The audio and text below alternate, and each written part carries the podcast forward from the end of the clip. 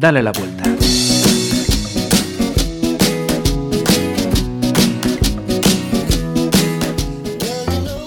La vida me empezó a cambiar.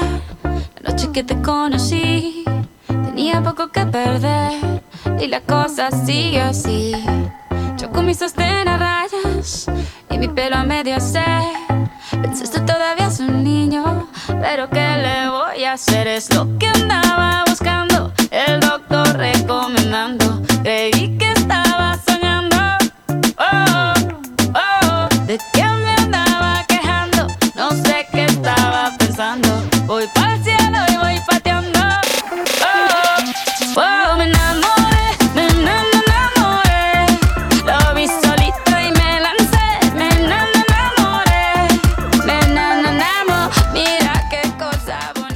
Saludos.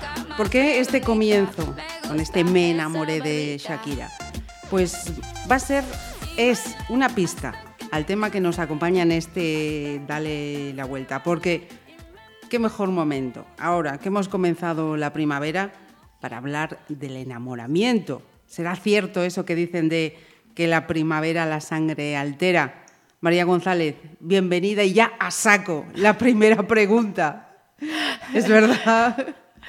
Pues sí, efectivamente, queridos oyentes y oyentas, a pesar de esa experimentación que algunos tendremos más en mi caso y otros menos, en otros tantos la primavera afecta, porque efectivamente hay un cambio de estación. El número de horas solares crece y Aumenta. eso afecta a la glándula pineal y una serie y un desencadenamiento hormonal que nos hace estar más activos, más despiertos. A su vez, las temperaturas aumentan, lo que hace también que nos desabriguemos y haya una estimulación eh, tanto por temperatura propia como por visual, por lo ajeno, al empezar a quitarse capas de ropa y mostrar más nuestros cuerpos, hombres y mujeres, que también lleve a un reajuste hormonal. Pues queda aclaradito, nada de. Además de dicho, es, es real. Dicho y hecho. Efectivamente. Mira, no había oído yo nunca hablar de eso de la glándula peneal, ¿eh? Pineal, Ah, Marisa, pi- pineal. ¿ves tu la primavera? Yo decía, yo, a mí me sonaba otra cosa. Me- ¿Será que a mí me afecta demasiado entonces? Otra de las grandes afectadas, la hemos descubierto, Marisa. Hay que decir, pero eso será al final del programa, que también hoy vamos a tener incluso tiempo para dar eh, agradecimientos. Vamos entonces con el enamoramiento. María, eh, esto de enamorarse, mm, hay quienes dicen, es cuestión de química, es todo química. ¿Es química? ¿No es química? ¿Hay parte de química? Qué bonita la química y la física y todo. A mí se me daba fatal, igual es por eso me que... Hombre, a mí no se me daba mal, pero no se trata de experimentos o de la química que estudiamos en el instituto, la cual debería ser estudiada y practicada ya de, bi- de bien jóvenes, porque la primavera, el enamoramiento, empieza en sus etapas en la adolescencia, cuando esas hormonas y esos órganos, glándulas, empiezan a secretar nuevas hormonas que hasta ese momento no se secretaban, aumentan esas cantidades y empezamos a colorear la vida con el gusto por el sexo contrario, por el mismo sexo, dependiendo. Y empezamos a tener otro tipo de pensamientos, aspiraciones y relaciones con nosotras mismas y con el sexo contrario. Una pregunta, ya con lo que acabas de decir de, de comienzo. ¿Es en esa edad, no antes? Eh, donde se dan las características, connotaciones de sexualidad eh, referentes al sexo explícito, no en el entorno soy hombre o soy mujer. Sí. Por ejemplo, a las niñas se convierten en chicas y les viene la regla, la menstruación, por ese cambio hormonal, esa adaptación que despierta, además, tiene otros efectos, no solo físicos Sí, sí. sino que a nivel del proceso mental, esa agitación, ese reparar, fijarse en los chicos de otra manera, en fijarse en ellas mismas y en vestirse, en la técnica del cortejo, en cómo se engalanan, cómo pasan, cómo hablan, en, en, su propio papel cómo quieren definirse ante un chico que les gusta o empezarse a definir entre chicas que les gustan, uh -huh. porque empieza el desarrollo de la sexualidad, que será de tipo homosexual o bisexual o heterosexual, o hetero. todas uh -huh. valen. Ajá. Eh, decía yo al principio que um, esta canción de Shakira eh, era una pista del tema que, que, nos, eh, a, que nos ocupa hoy. ¿Tú nos la has propuesto? Explícanos por qué. ¿Por qué he propuesto el tema de hoy? El flechazo. ¿Cómo no va a ser la primavera el flechazo? O sea, va todo uno. El flechazo. Queridos oyentes y oyentas, como podéis haber comprobado por las diversas entrevistas que he hecho a todo el que pillaba por ahí, y pues sí, vamos a hablar del flechazo, lo sabíais. Sobre todo a los entrevistados. Eh, gusta, además. Ha sido preguntar, fuera hombre, mujer, chico, chica, por el flechazo. ¿Me permites unas preguntas sobre el flechazo? Tres preguntas. Y todos sonreían. Sí, sí, sí, sí, sí. Uh -huh. Ellos y ellas. Es un tema que gusta. He comprobado que he preguntado a todas las edades y todos sonreían. Es decir, y todas, me refiero a todas las personas entrevistadas, uh -huh. sonreían. De hecho, he aprovechado, fíjate, ayer eh, para hacer la última entrevista, que salía yo de Pilates y bueno, claro, estaban en terraceo a tope la gente y me pararon unas chicas que estaban tomándose una cerveza porque tuve que pasar por, bueno, por, por, la zona y me decían, ¿te importa que te hagamos una entrevista? Y digo, yo no, me viene bien, si yo puedo haceros sí, otra. Sí. y aproveché Ajá. y todos encantados. Ellas me preguntaron sobre la zoonosis, chicas, hola, aquí estamos, y yo les pregunté sobre el flechazo. Ajá. Bien, o sea que de principio ya es un tema que te provoca buenas vibraciones en todo el mundo. Sí, sí, vale. sí, me ha encantado entrevistar. Y, y además de esa primera reacción, eh, ¿cómo lo explicamos? ¿Qué es el flechazo? ¿O cómo lo han explicado? Pues mira, eh, la explicación del flechazo entre los distintos sexos y las distintas edades y cada persona ha sido diferente. Había algunos rasgos comunes en algunas de las personas, pero eh, tiene mucho que ver con lo que siente y con, lo que, con la información que tiene uno. Más con... Hay gente que ha dicho que no existe el flechazo o que, es, que podrían decir una definición que han leído en un diccionario, pero que ellos o ellas no en este caso ellos no lo habían experimentado, otros eh, y otras pues lo han definido como una atracción de las mujeres más, pero una atracción física y no física que te atrae una persona que acabas de ver y que dices tú, ah, pues voy, me intriga, voy a conocerlo, voy a pasar por allí, voy a hablar, voy a, voy a estar allí atenta, uh -huh. ¿no? Y las mujeres, a todas las que le he hecho tres preguntas, ¿qué es el flechazo? ¿Cómo se experimenta? Es decir, qué síntomas, qué signos nota uno con eso del flechazo y si para que fuera flechazo debería ser correspondido, es decir, puede ser unilateral o tiene que ser eh, multilateral, es decir, en ambas personas deben estar flechadas para ser un flechazo. Bien. Pues he observado que, bueno, en cuanto a que puede ser uni o multi, todos más o menos estaban de acuerdo, aunque alguna gente si no, no era cómplice, es decir, si no había, los dos estaban a la altura, pues no era flechazo, parecía uh -huh. que quedaba en nada. Eh, después, eh, lo que he observado es que en, en, las mujeres, todas las que contestando las preguntas, ¿y cómo crees que son iguales los flechazos? ¿Se manifiestan igual los flechazos en los hombres y las mujeres? Eh, casi todas dicen que no. Casi todas dicen que no, que ellos, pues, eh, son más como una atracción física, como para el contrato físico o para algo más puntual sin tener una valoración de lo que es la persona, buscar más más pues el atractivo físico sin más, uh -huh. ¿no? Más corporal que Carnal. sí, la expresión más de conocer valores, inteligencia, pues todo lo que lleva alrededor. Eso sí que lo comentaban más claramente las mujeres. Los hombres eh, me han comentado eh, con respecto al flechazo más o menos las mismas definiciones y en cuanto a la experimentación del flechazo, he visto que atendiendo a la persona hay una mezcla de, de, no confusión, porque todos están bien, cada uno cree que es una cosa y es perfecto. Para uh -huh. esa persona es así y está bien, sí, está sí. perfecto.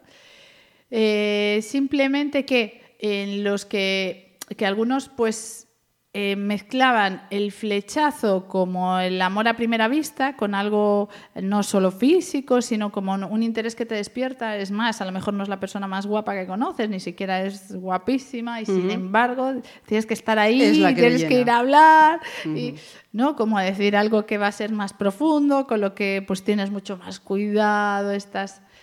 Y otros más con la atracción, la atracción física, de primeras te despierta una persona sin más, con la que quieres pues, hablar o conocer un poco más o tener algo directamente pues, más del tipo físico.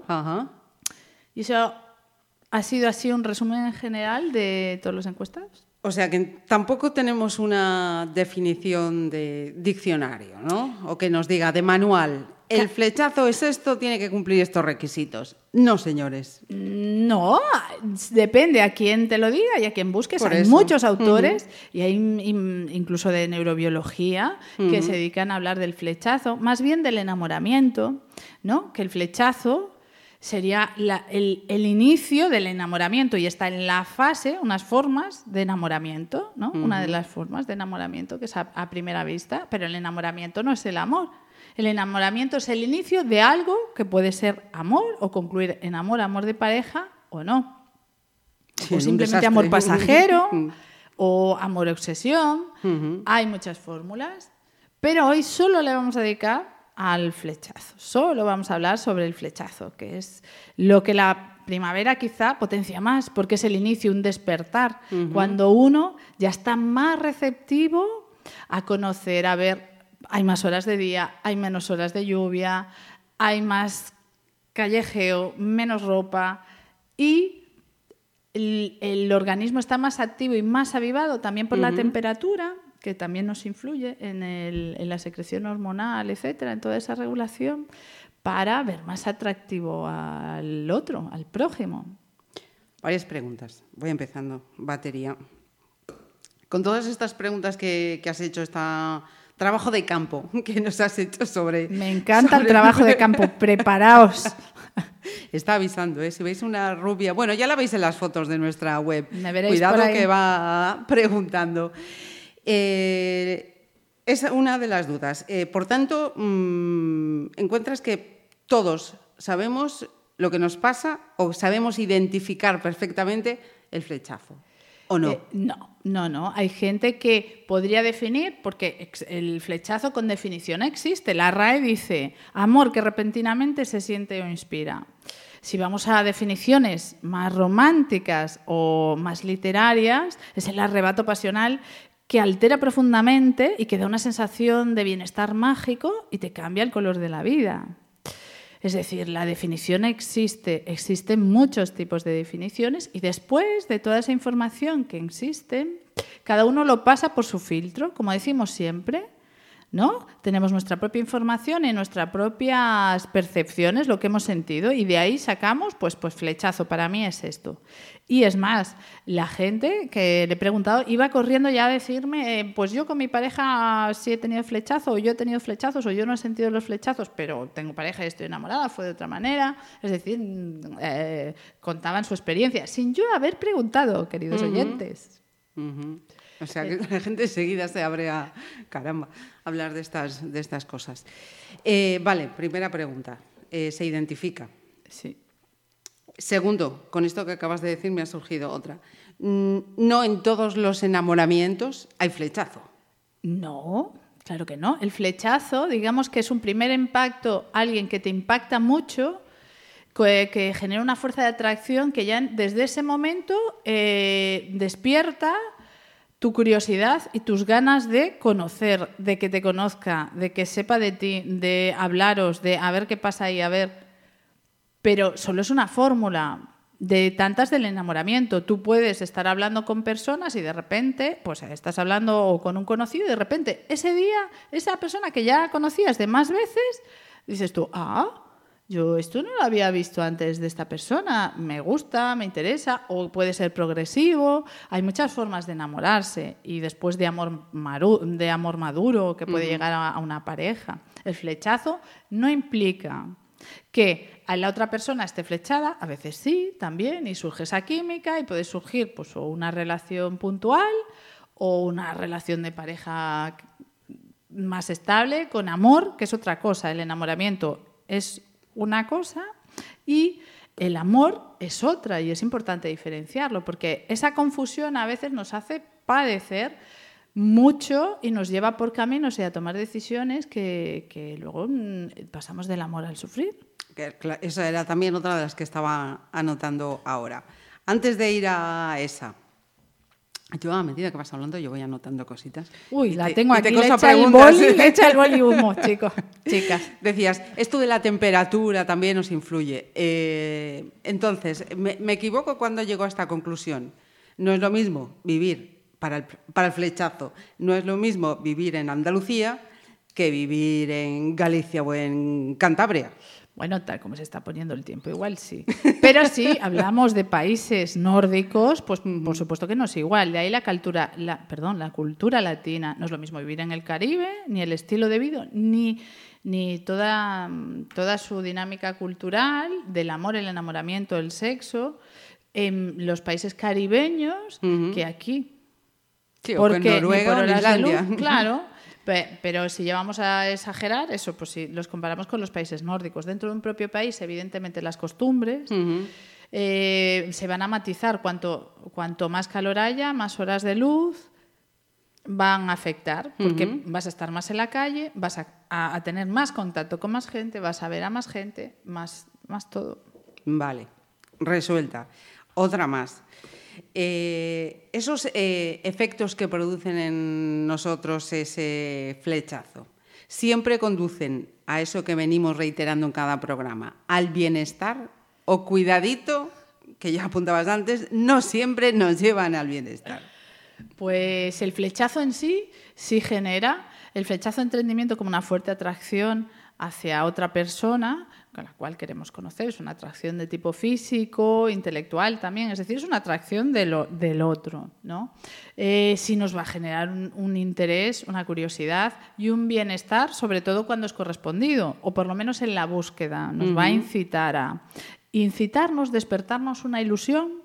Mientras sigue siendo ilusión, sea correspondida o no, nos genera un bienestar, nos hace una burbuja, por supuesto. Si luego es correspondida, eso se expande todavía más. Si luego no es correspondida, todo lo que sube, baja. Baja. ¿No? Pues tanto subes, tanto bajas y luego vuelves el equilibrio. Eso también eh, forma parte de la homeostasis de la biología, o sea, la regulación. Homeostasis quiere decir regulación armónica, ¿no? Es como cuando tú tienes, imagínate, el agua y el aceite, lo echas al principio y lo agitas. Bueno, pues llega un momento que va a llegar al equilibrio. Al principio está todo mezclado, rebota, tiene formas distintas, hasta que llega un momento que se establece el equilibrio y va a quedar de una forma determinada. Pues eso es lo que nos pasa a nosotros cuando conocemos ¿no? y sentimos esa fuerza de atracción por alguien. Todo se revoluciona, esas hormonas se disparan y tienen una repercusión física en nuestro cuerpo, en nuestra mente. Ya dijimos, como siempre, vamos a hablar de lo mismo, que los humanos y las humanas no solo tenemos cuerpos, sino que tenemos también unos sistemas eh, que son el sistema emocional, ¿no? las emociones, los pensamientos, que funcionan de otra manera y que tienen una repercusión física, pero no solo física. ¿no? Entonces, nos van a agitar el pensamiento, nos va a aparecer esa persona, de repente estamos desconcentración y pensamientos obsesivos, quiere decir que pensamientos que tú no eliges, de repente te aparece esa persona, ay, fulanito, ¿dónde estará? O fulanita, ¿dónde estará? Aquella chica tal cual, no sé qué, ay, a ver si puedo tal, ah, me dijo que, y de repente pasas por una calle con la que has tenido una conversación, pa, te acuerdas, eh, eh, tal, involuntariamente, o sea, todo tu sistema te lleva a decir, no, no, no, estate atenta ahí, sigue, sigue o estate atento ahí. a ellos también les pasa. ¿eh? Lo que pasa es que las hormonas, nosotros tenemos más progesterona y tenemos otro tipo de gestión, como todo en la vida, y los hombres tienen testosterona y tienen otro tipo de gestión, pero ellos también tienen oxitocina, endorfinas, serotonina, que es, forman la química del amor y les hacen que también tengan esos pensamientos que de repente se le aparece, dice, uy, la chica pues la llamaba, uy, pues a ver si tal, ah, pues a ver si la encuentro en Facebook, o bueno, si pues paso por allí en el trabajo, si, si trabajan a la vez o juntos, y bueno, pues ya, pues parece que también le sucede a ellos. Me falta papel, María. Me falta papel. te creo, te creo. Porque cada vez que va diciendo cosas me va surgiendo. Y esto y lo otro, eh, venga, voy, voy, con la siguiente. Eh, ¿Cuánto dura? ¿Tiene un periodo de vigencia esto del flechazo? Sí, el flechazo, el flechazo ya dijimos que es una atracción que surge de repente en una primera vez, la primera vez que te conoces o de, conociéndote, por ejemplo, amigos de toda la vida que pasan X años o pasan determinadas circunstancias, se vuelven a ver y dicen, uy, va. ¿No? Eso también es flechazo. Eh, eso eh, tiene una o sea, un, sí que está estudiado y sí que hay un determinado tiempo corto, que no es el enamoramiento, es, no es la fase del amor maduro. Uh -huh. Pues eh, tiene un espacio corto de tiempo, si los flechados se dicen que son sí, es decir, mutuos. Si, si son mutuos, pues el, ese periodo de enamoramiento vivo que se describe, pues dicen 18 meses, que sobre dos años, dos años sí, poco. Uh -huh suelen estar ahí en la media los que describen, pues eso, sobre en torno a los dos años. Caramba. Eh, hablabas también hace un momento de creencias, pensamientos. Nuestras eh, creencias, eh, pensamientos, esos que llevamos ahí de mochila desde... En el que, inalámbrico ese efectivamente, que llevamos.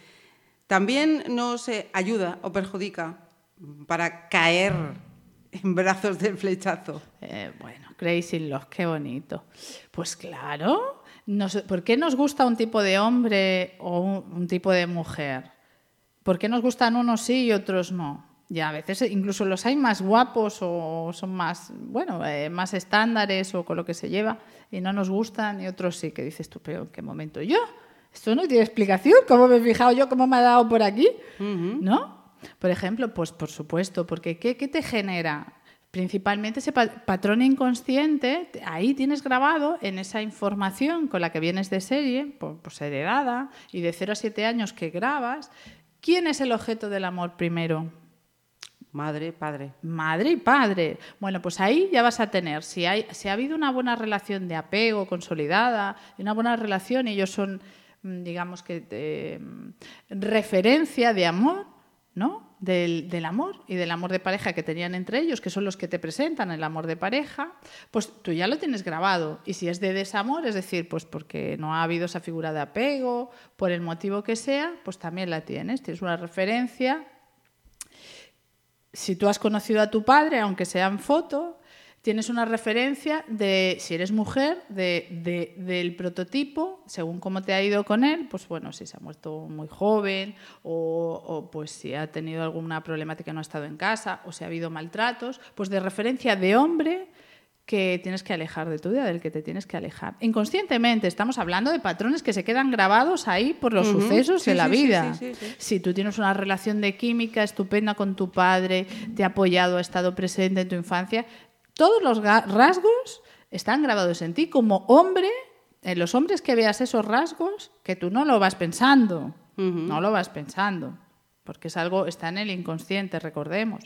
Estarán asociados a hombres buenos para poner en tu vida, digámoslo así que se entienda, sí, sí, ¿no? Sí, Entonces, pues habrá un prototipo de hombre con las características físicas, con las características no físicas, es decir, pues la capacidad de escucha, pues si tu padre era de los que escuchaban, con la simpatía, que tú tienes asociado al hombre que, que, es un buen hombre para ti, o sea, que te estás segura con ello. Digamos que responden unas órdenes biológicas, esto tiene un sentido.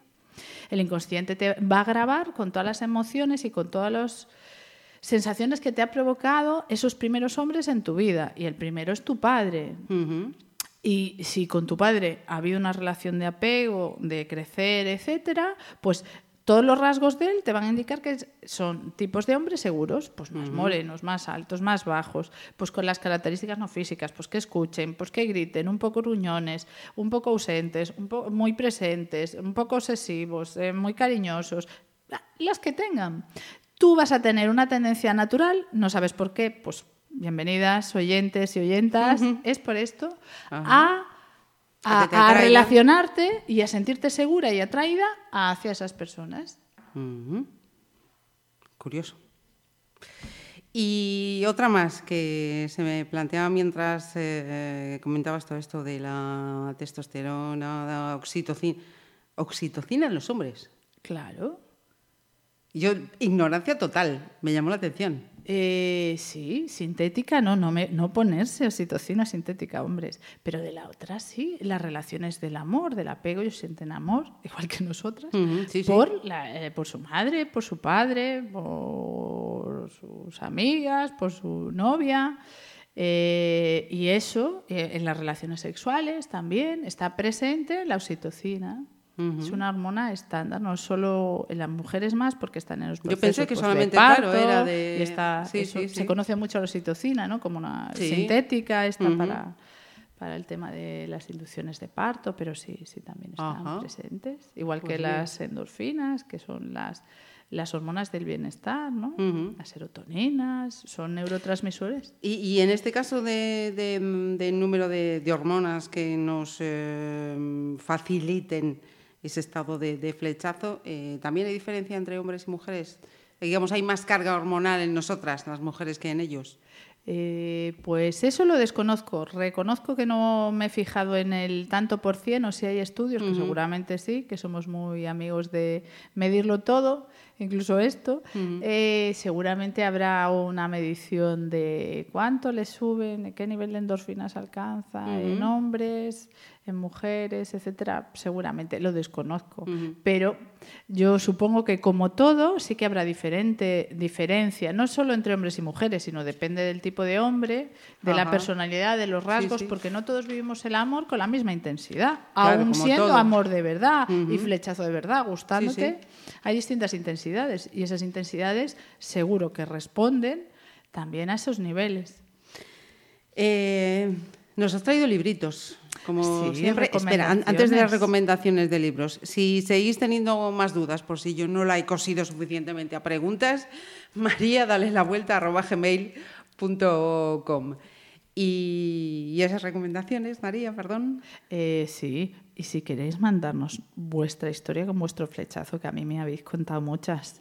Error no haberlas grabado. Si nos saldrá a grabaros, Ajá. verás, os doy la oportunidad también. Pero a todos los que oyáis y nos queráis contar vuestra maravillosa historia de flechazo, de flechazo, chicos o chicas, encantados enviárnoslo también al correo.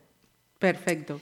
Y vamos a ello, entonces. Ello. Recomendaciones de los que dicen ser expertos y serán seguramente, y que yo he leído sus libros, algunos de ellos.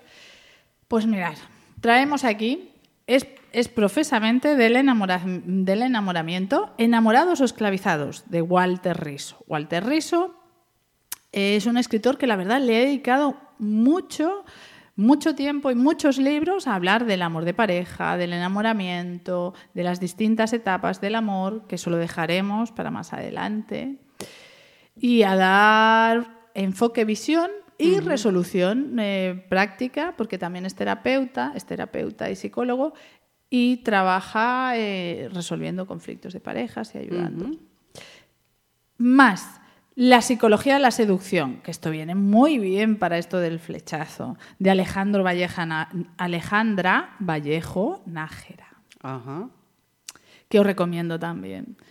Porque la seducción y el flechazo y el principio, que es el enamoramiento, ¿no? Es el principio de todo. Sí. Entonces, qué mejor que hablar y leer sobre seducción. Y estas son mis dos recomendaciones sobre el flechazo de enamoramiento. Vamos a pasar revista, ¿eh? Allí donde veamos un parque, un asiento, una playa y alguien con libro, vamos a mirar a ver si habéis hecho los deberes y las recomendaciones. María, todavía nos quedan gracias Efectivamente. para terminar el programa.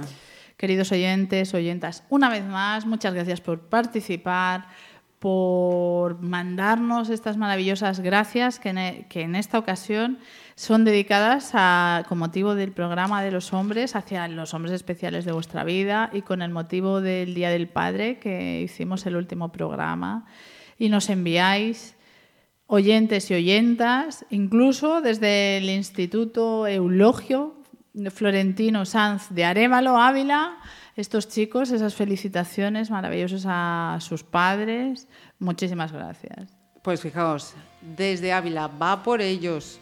Muchísimas gracias. Y María, hasta dentro de dos semanitas. Hasta dentro de dos semanas. Gracias por escribirme esa canción, por arañarme el corazón, por ser así como tú eres. Gracias por aguantar ese dolor, por inventar ese sabor, por hacer siempre lo que quieres. Gracias por los consejos que me das, por olvidarme. Papá, que soy tu hijo Fran, de Tiñosillo, provincia de Ávila, y quería felicitarte el Día del Padre. Un beso muy grande y te quiero mucho. Hola papá, soy Petar, tu hijo Adrián y te quería decir que muchísimas gracias por todo y quería decirte que te quiero mucho y te deseo feliz día del padre. Hola papá, que soy tu hijo Samu, el de San Sirián, de Arévalo. Que feliz día del padre. Feliz día del padre, papá. Te deseo que estés siempre al lado mío y que te lo pases muy bien el día del padre. Y quería decirte que te quiero mucho, de tu hija Rosa Alexandrova. Hola, ¿qué tal? Eh, soy Elba y quiero dedicarle unas palabras y mandarle un beso enorme a mi querido Siso, al que quiero muchísimo. Él es mi amor, mi amigo y por supuesto un gran padre. Gracias por ser como eres y hacerme reír tantas veces, pues es eso lo que más me enamora de ti. Un besazo. Te quiero. Hola, me llamo Merchi. Mi agradecimiento va para los tres hombres de mi vida. Mi marido César, mi hijo Diego y mi suegro Roberto. Para ti, César, te doy las gracias por muchas cosas, por ese amor incondicional, por todo lo que eres, que eres una buena persona, una gran persona, un buen ser humano. Nunca cambies. Para ti, Diego, darte las gracias por elegirme como mamá, como tu mami, tu mamiuski, como me llamas. Eres un gran ser y te doy las gracias por ello, aparte de muchas cosas. Pero muchísimas gracias, hijo. Eres mi vida. Y a ti, Roberto, te quiero dar las gracias por permitirme entrar en tu familia, mm, enseñarme cosas, cosas de la vida. Tienes 83 años y eres un hombre muy sabio. Y por ello te agradezco, porque eres un padre para mí. De todo corazón, tu nuera, Narciso.